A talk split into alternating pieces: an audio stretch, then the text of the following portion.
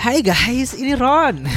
Yang kamu tunggu-tunggu episode Coachella akhirnya tayang di traktir.id slash kekoreaan. Yang diupload di Spotify ini cuman bagian dari kekoreaan festnya karena kami pikir kalian butuh mendengarkan pendapat dari pendengar yang lain tentang permasalahan ini tanpa harus membayar lebih dan ngasih kita cendol. Tapi kalau misalkan kamu pengen dengerin episode yang utuh, yang lengkap, kamu bisa cek link di description dari podcast ini. Kasih kita cendol dan selamat mendengarkan. Hai Cinggu, Dita nih, member secret number. Hehe, canda. Sekarang kita lagi kerja sama bareng Anchor nih, aplikasi yang kita pakai buat publish podcast ini. Nah, gue mau ngasih tahu kalau lo pengen bikin podcast juga, lo bisa pakai aplikasi Anchor karena cara upload dan bikin podcast di aplikasi ini gampil banget. Kabar gembiranya, pakai aplikasi Anchor 100% gratis. Semua yang lo butuhin buat bikin podcast dan distribusi ke Spotify dan yang lainnya juga bisa dari aplikasi Anchor. Buruan download aplikasinya dan bikin podcast lo sekarang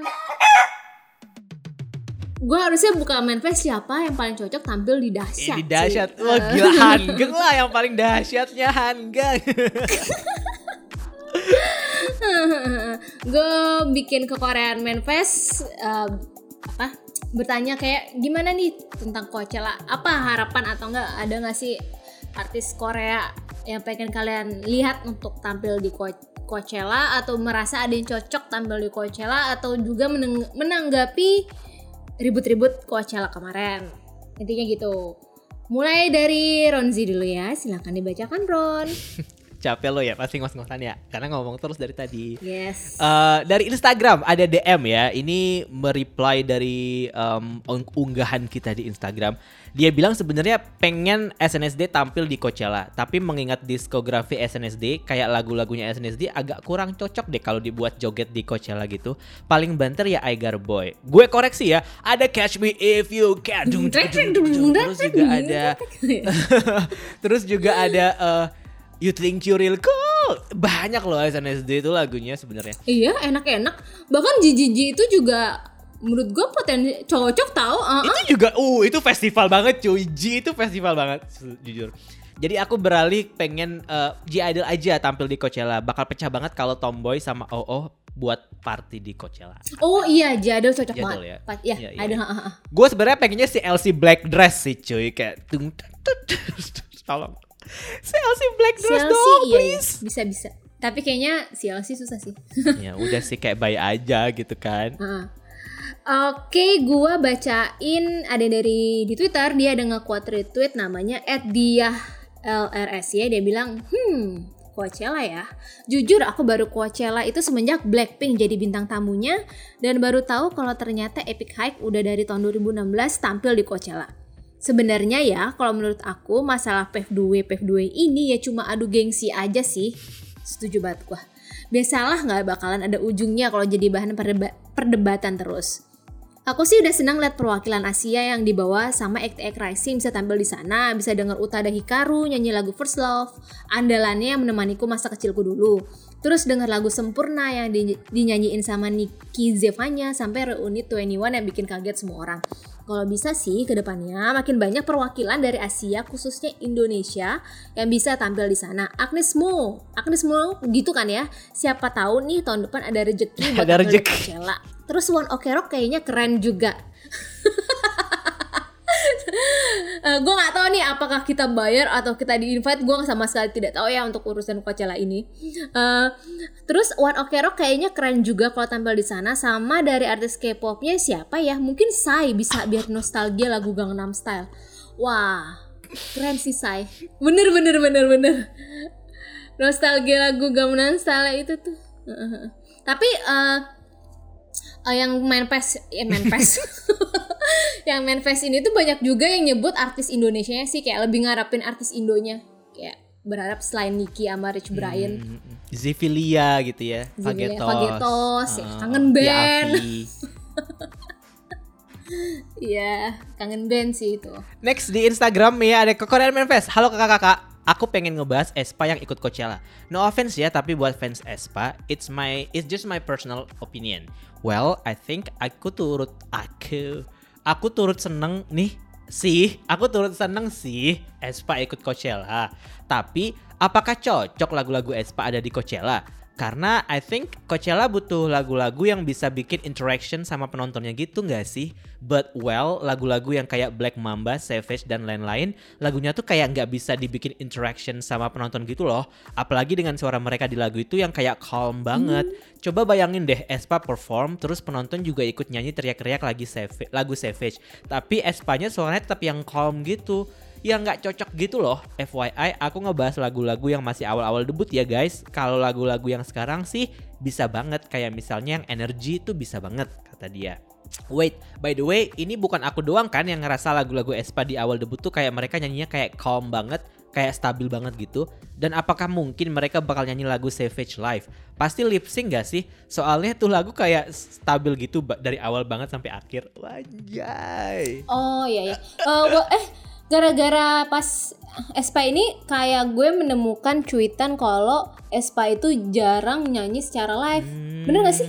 Kayak itu ada fans ada dari fansnya sendiri yang bilang kayak SM tuh sedikit ngasih kesempatan untuk mereka tampil secara live padahal mereka secara vokal udah udah tokcer lah gitu tapi gue nggak nge sih emang ya karena memang pas kalau misalnya Espa performs gue itu perform kayak memang fokus ke performance-nya sih ya hmm kalau menurut lu gimana? Kalau di kalau untuk TV gue oh, apa hmm, gue percaya kalau di TV itu pre-record. Jadi pre-record jatuhnya nggak nggak nggak jauh beda sama uh, lip sync sih kata gue. Cuman kayak ya di record terpisah aja gitu. Cuman nanti dijahit gitu kan. Dan gue bukan tipe orang yang menikmati penampilan pre-record gitu. Yeah, maksudnya yeah. kayak berasa uh, la, apa berasa banget vi visual yang ditampilkan di situ dengan audionya itu tuh nggak sinkron. Maksudnya beda beda di, dari dari dua dari dua circumstances yang berbeda gitu.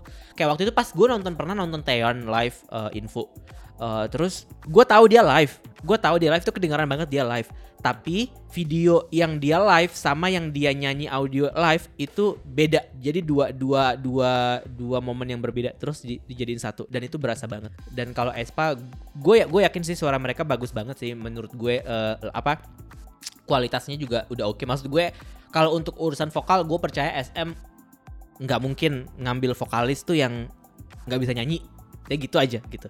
Ya paling uh, kalaupun gak bisa nyanyi nanti dua tahun lagi bisa nyanyi gitu maksudnya. Mereka mereka judgementnya tuh keren banget untuk soal untuk soal vokalis gitu. Tapi kenapa Espa nggak nggak kenapa Espa jarang tampil live itu gue gue juga nggak tahu kenapa tapi gue setuju sih mereka memang uh, di TV TV karena emang kebutuhannya buat TV juga sih ya.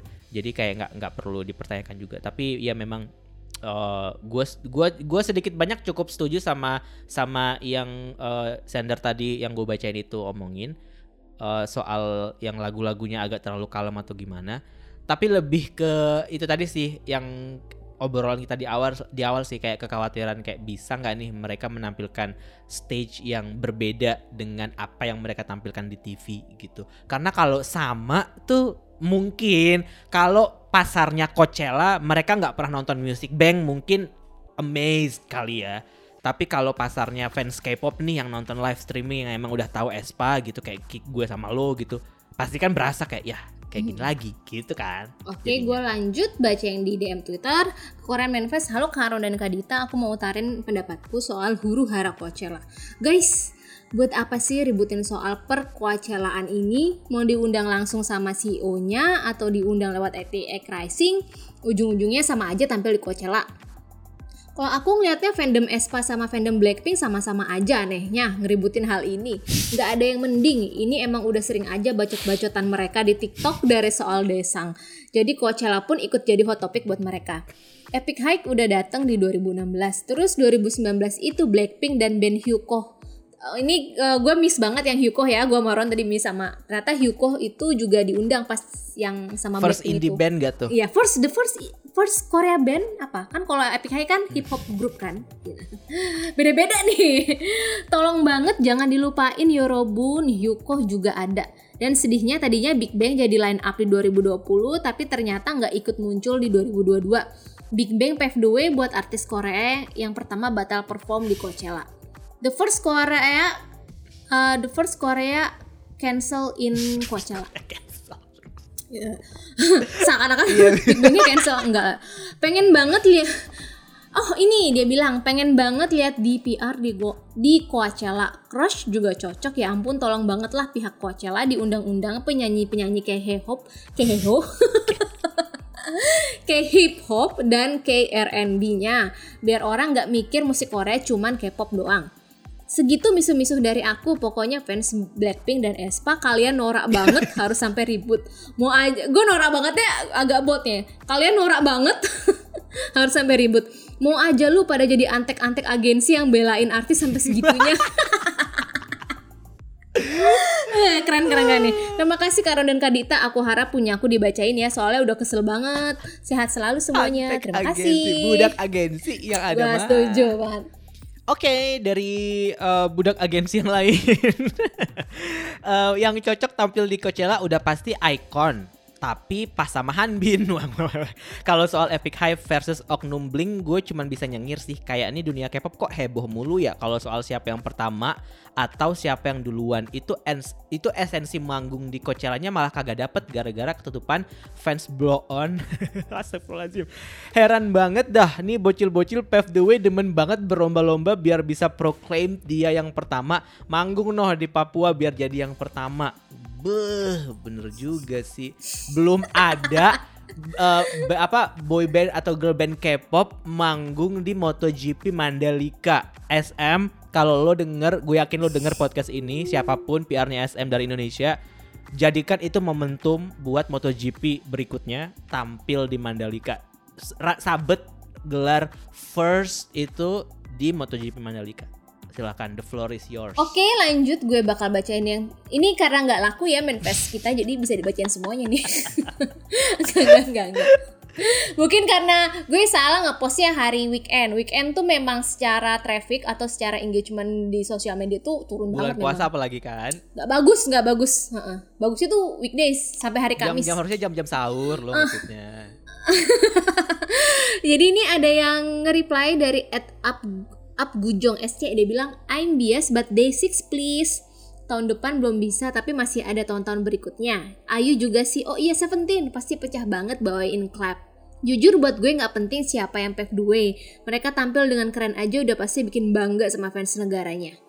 Gue senang deh ya kalau apa tuh fans apa dengan Koreaan tuh gak ribet. Yang penting ngeliat penampilannya. gitu. Betul. Gue setuju nih sama Day6, Ayu juga cocok sih, tapi kayaknya Ayu kalau Coachella sih kayaknya agensinya juga ngapain lah di Korea udah cukup ya. Bukan pasarnya dia kali tau gak sih kayak udahlah Iya lu sih, cukup pasti di, lagu-lagunya masih oke di loh. Korea aja Masih lah bisa yuk lah gitu. kan. Ya, Udah udahlah yuk puas lah lu udah Iya. jadi CEO juga cuy apa sih yang lo kejar yuk gitu kan. Eh ngomong-ngomong filmnya Ayu nanti tayang di Cannes Film Festival. Iya iya iya. Kalau Ayu tuh the first CEO idol Oh. perform in Coachella. Ya Oh, nggak iya, sih? iya, bener-bener. Atau enggak the first the first nation apa? The first ya nation sister. nation eh, li- apa nation apa sih istilahnya dulu nation sister dia. Nation oh iya sister little sister ya the first Nation sweetheart. little Oh ya. Korea's first nation little sister anjay Nah, iya. cool cool, cool. Oke terakhir, Terakhir di di lo Instagram masih ya ada lagi Fest. Hai Ya. Karon dan Kadita Kalau menurutku Ini kalau menurutku ya Jadi jangan dijulitin nih Menurutku kan Kalau menurutku Coachella tuh bakal ngundang grup-grup Dalam tanda kutip Festival gitu deh Yang tanpa make koreografi yang wow Tapi mereka bisa narik perhatian Orang-orang yang ada di sana Bukan bermaksud eh, bukan bermaksud apa-apa, tapi stage dan audiensnya nggak cocok banget buat dance-dance heboh gitu. Mungkin grup-grup Gen 2 cocok sih buat dijadiin ajang nostalgia atau reuni. Ya ini udah kayak 90s festival jadinya ya, Coachella ya.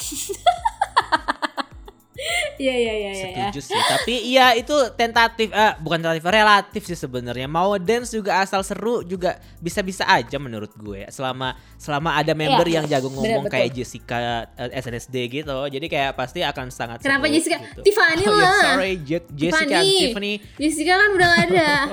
Jessica and Tiffany from Girls' Generation. Iya iya iya seru seru seru. seru. Terima kasih buat yang udah kirim manifest. Terima yes, kasih. Di Twitter dan di Instagram.